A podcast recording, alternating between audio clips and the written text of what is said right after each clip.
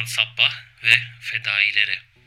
İsmailiye mezhebine mensup olan Hasan Sabbah, bölgesi ve mezhebinin merkezinde olan Mısır'da aldığı eğitimlerin ardından İran'a döndü ve bilgeliği sayesinde kendi yolundan ilerlemeyi hedefleyen geniş bir kitleye öncülük yaptı. Hazar Denizi'nin güneyinde bulunan Alamut Kalesi'ni yurt edinen Hasan Sabbah burada ideolojilerini kabul eden fedailerini yetiştirdi. Bu fedaileri kendi fikirlerini itaat ettirmek için izlediği yol ise şu şekildeydi.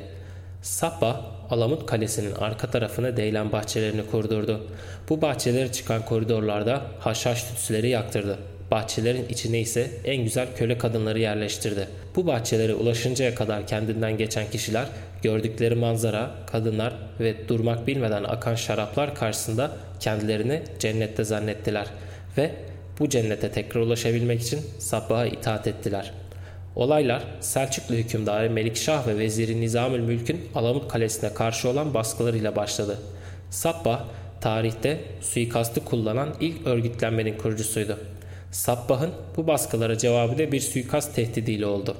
Melikşah'ın yatağının üzerine bir hançer bıraktıran Sabbah, hançerin kabzasına bir metin yazdırdı ve bu metinde yazanlar şu şekildeydi. Senden çok uzakta, alamutta yatıyor olmam seni aldatıyor olmasın. Çünkü kendi hizmetin için seçtiğin kişiler de benim buyruğumdadır ve bana itaat ederler. Bu hançeri yatağına koyan kişi onu yumuşak kalbine de saplayabilirdi. Bu uyarının üzerinden bir süre sonra Selçuklu orduları Alamut'u kuşattılar. Fakat başarısız oldular. Bunun üzerine Sabbah harekete geçti ve Nizamül Mülk fedailer tarafından bir suikast ile öldürüldü. Nizamül Mülk'ün ölümünden 35 gün sonra 14 Ekim 1092 günü Melikşah da gözlerini hayata kapadı.